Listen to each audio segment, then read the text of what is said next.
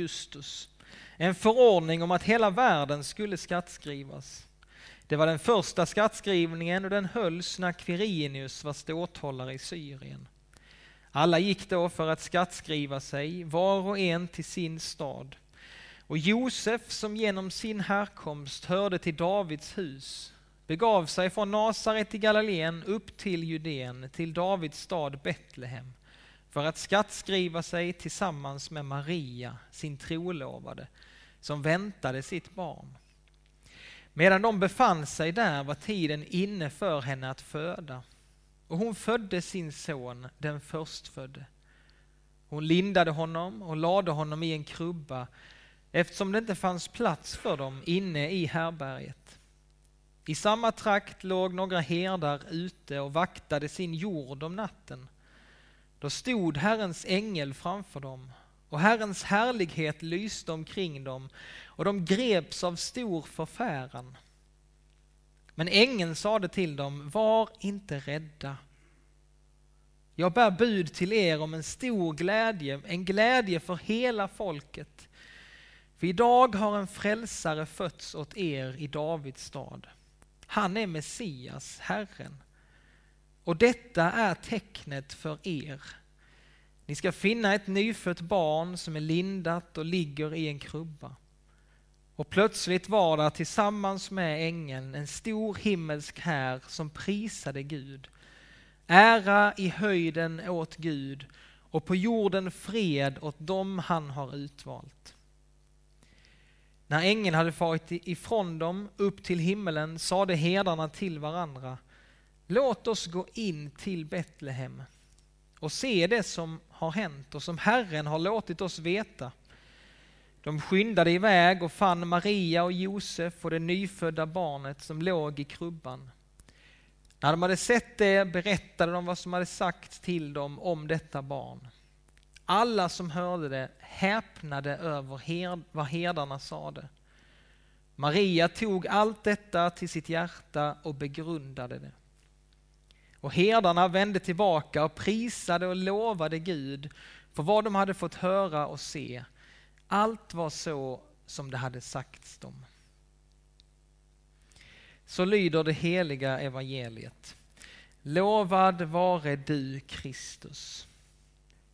Ja, det finns få ord i Bibeln som rymmer så mycket hopp som alla de mäktiga profetord som står i Gamla Testamentet.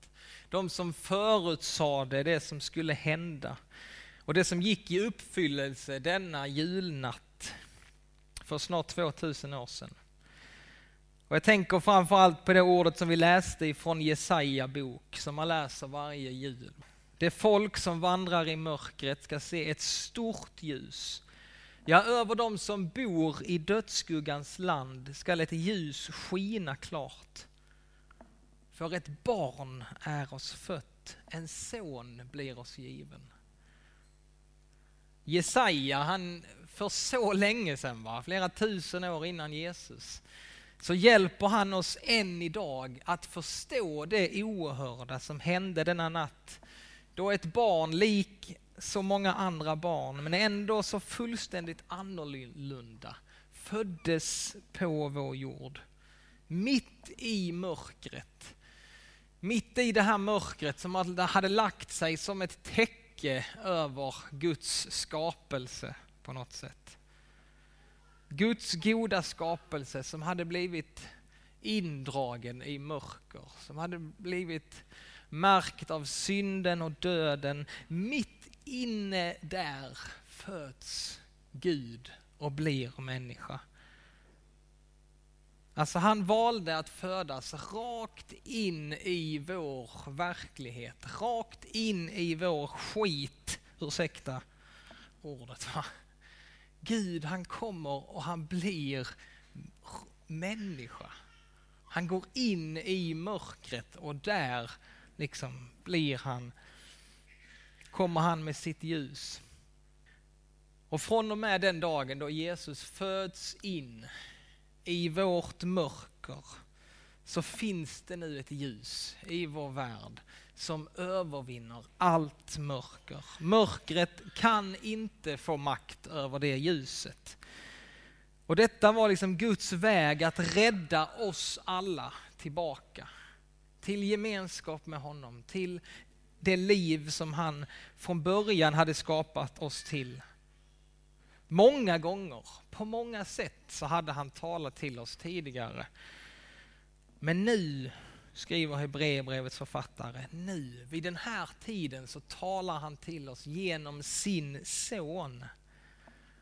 Gud han nöjde sig liksom inte bara att, att tala till oss genom änglar, genom sina sändebud, genom profeterna. Nej, han kom själv till oss. Inte bara genom en syn eller en uppenbarelse, utan han blev som en av oss. Han blev människa. Av samma kött och blod som vi. På det sättet så skulle han rädda oss. På det sättet så har han räddat oss. På det sättet så kunde nytt liv komma in i vårt liv. På det sättet så kunde evigt liv komma in också i ditt och mitt liv. Alltså Gud han räddar inte oss genom goda idéer, genom smarta tankar, genom tänk positivt. Det är inte genom teorier eller sagor, eller det är genom verkliga händelser, verkliga handlingar. Han blir kött och blod genom sonens födelse, genom hans liv här i världen, genom hans död, genom hans uppståndelse. Allt har inträffat här på denna jorden, i vår verklighet. Alltså vår Gud, han har gripit in. Vår Gud, han är inte passiv. Inte en enda gång. Han har gripit in. När tiden var fullbordad så sände Gud sin son, född av kvinna, för att rädda oss. När vi människor vände oss bort ifrån Gud så la sig liksom mörkret över den här världen. Gudlöshetens mörker, syndens mörker, mörker av olydnad, av död. Men Gud han kunde inte acceptera att det onda skulle segra. Alltså visst finns det så mycket underbart man kan glädjas över. Det finns så mycket skönt i vår värld fortfarande. Det finns så mycket godhet som vi kan eh, se, som vi kan dela med varandra. Allt det där är på något sätt ett minne av hur, hur det var en gång. Vad det är vi är skapade för egentligen. Vi är skapade av kärlek, för kärlek, till kärlek. Vi människor, vi kan ju tänka otroligt fina tankar. Vi kan lösa svåra gåtor, vi kan, försöka, vi kan liksom komma på helt fantastiska saker. Vi kan på ett sätt minska lidandet till viss del i den här... Men samtidigt så står vi inför en kamp som vi aldrig någonsin kommer att vinna. Vi står i samma kamp som alla människor har gjort i alla tider. Det finns två makter som vi inte kan besegra på egen hand. Det är synden. Syndens makt som leder till att vi människor dör. Det är dödens makt. Synden och dödens makt. Synden den slår ut i våra liv än idag i vår egoism, i vårt egen intresse. Vi kan inte besegra den på egen hand. Den vilar över oss liksom. Dag för dag. Vårt uppror mot vår skapare, det sitter så djupt i oss människor. Vi kan inte besegra den av egen hand. Vi kan ju fråga oss varför svälter människor på vår jord fortfarande idag? Det har gått så lång tid. Vi vet att jorden producerar tillräckligt med mat för alla. Det är så.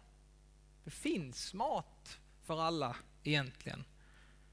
Varför är det så att människor svälter? Jo, men det är för syndens skull. Vi sätter oss själva i främsta rummet. Vi delar inte med oss. Och nu talar jag som en hel, för hela mänskligheten. Varför kan inte vi människor leva i fred med varandra efter all historia som vi har upplevt? Vi kan läsa om hur otroligt destruktivt det är att kriga mot varandra. Varför kan vi inte leva i fred med varandra? Jo, det är för att synden är i våra liv. Vi människor vi dyrkar makten, vi vill ha makt, vi anser oss ha rätt framför andra människor. Vi tar det som är menat för andra. Varför är inte alla i vårt land lyckliga? Alltså vi har haft fred i över 200 år i Sverige. Varför är inte vi ett lyckligt och förnöjsamt folk? Varför är det så många som har det så dåligt i Sverige idag? Vi har ett överflöd. Varför? Jo, det är för syndens skull. Vi vill, har vi fått lite, då vill vi ha mer. Och så bär vi på något sätt på en djup otillfredsställelse i våra liv. Vi kommer från någonting som är helt underbart. Vi kommer från, vi är skapade till frid och fred vi har någonting från Gud i oss, vi längtar efter det och vi upplever att ingenting i den här världen kan tillfredsställa oss. Varför förbrukar vi vår jord? Varför lämnar vi vidare en nersmutsad, döende planet till våra barn? Varför blir otryggheten, ensamheten allt större i vårt rika samhälle?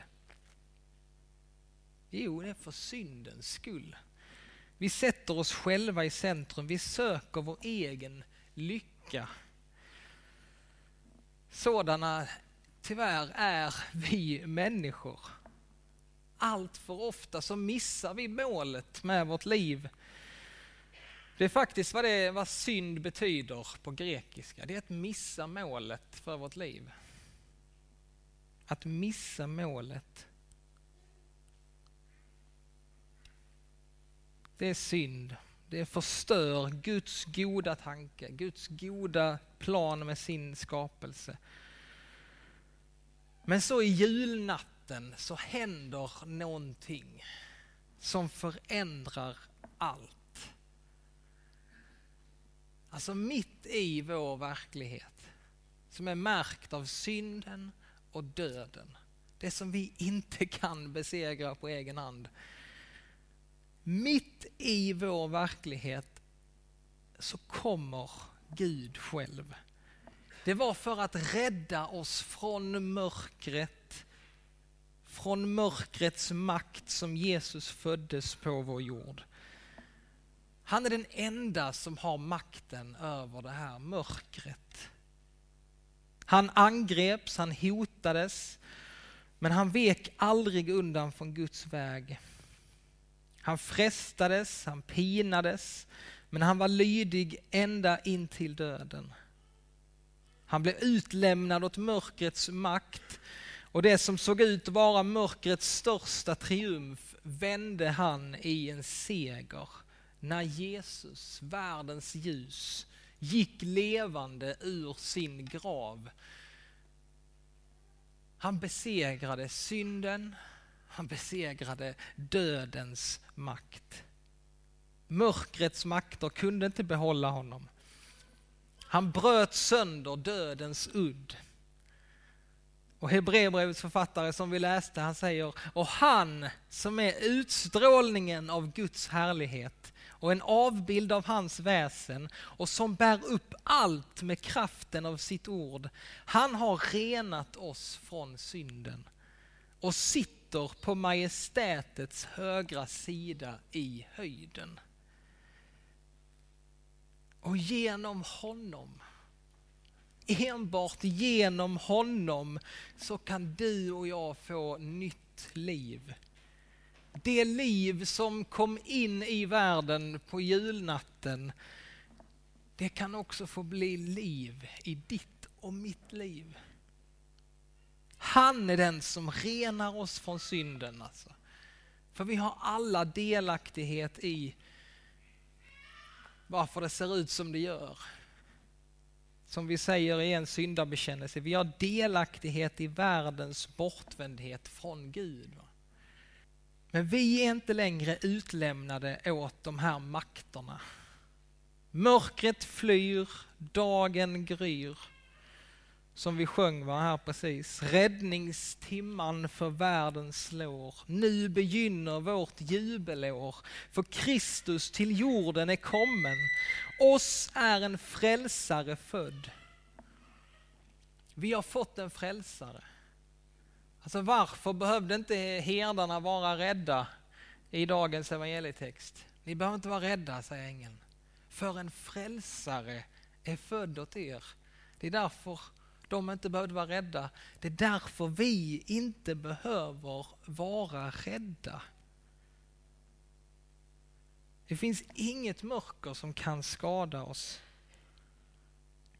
Det enda vi behöver vara rädda för det är att vi, vi inte förlorar honom som är vår Herre. Vårt enda hopp. Det vi ska frukta, det vi, det vi ska vara rädda för, det är att vi tar frälsningen som en, som en vi tar det för givet. Va? Att vi glömmer bort hur helt enastående det är som Gud, vad Gud har gjort för oss och vad det krävdes av honom för att rädda oss. Vi ska vara rädda så att vi ta, inte tar det för givet. Att vi förlorar förundran, förlorar tacksamheten. Erbjudandet om frälsning, om befrielse från mörker och död. Det är riktat till alla människor. Och idag så får vi på nytt ta emot det. Vi får på nytt säga vårt tack. Vi får på nytt bara be att kom du med ditt liv Låt det få bli liv i mitt liv. Vi ber tillsammans. Ja, Herre, vi tackar dig. Vi tackar dig denna morgon för att du blev människa. Vi kan aldrig förstå det oerhörda. Men vi kan förundras, vi kan tacka dig för vad du har gjort. Så jag ber för var och en av oss att du fyller våra hjärtan med tacksamhet.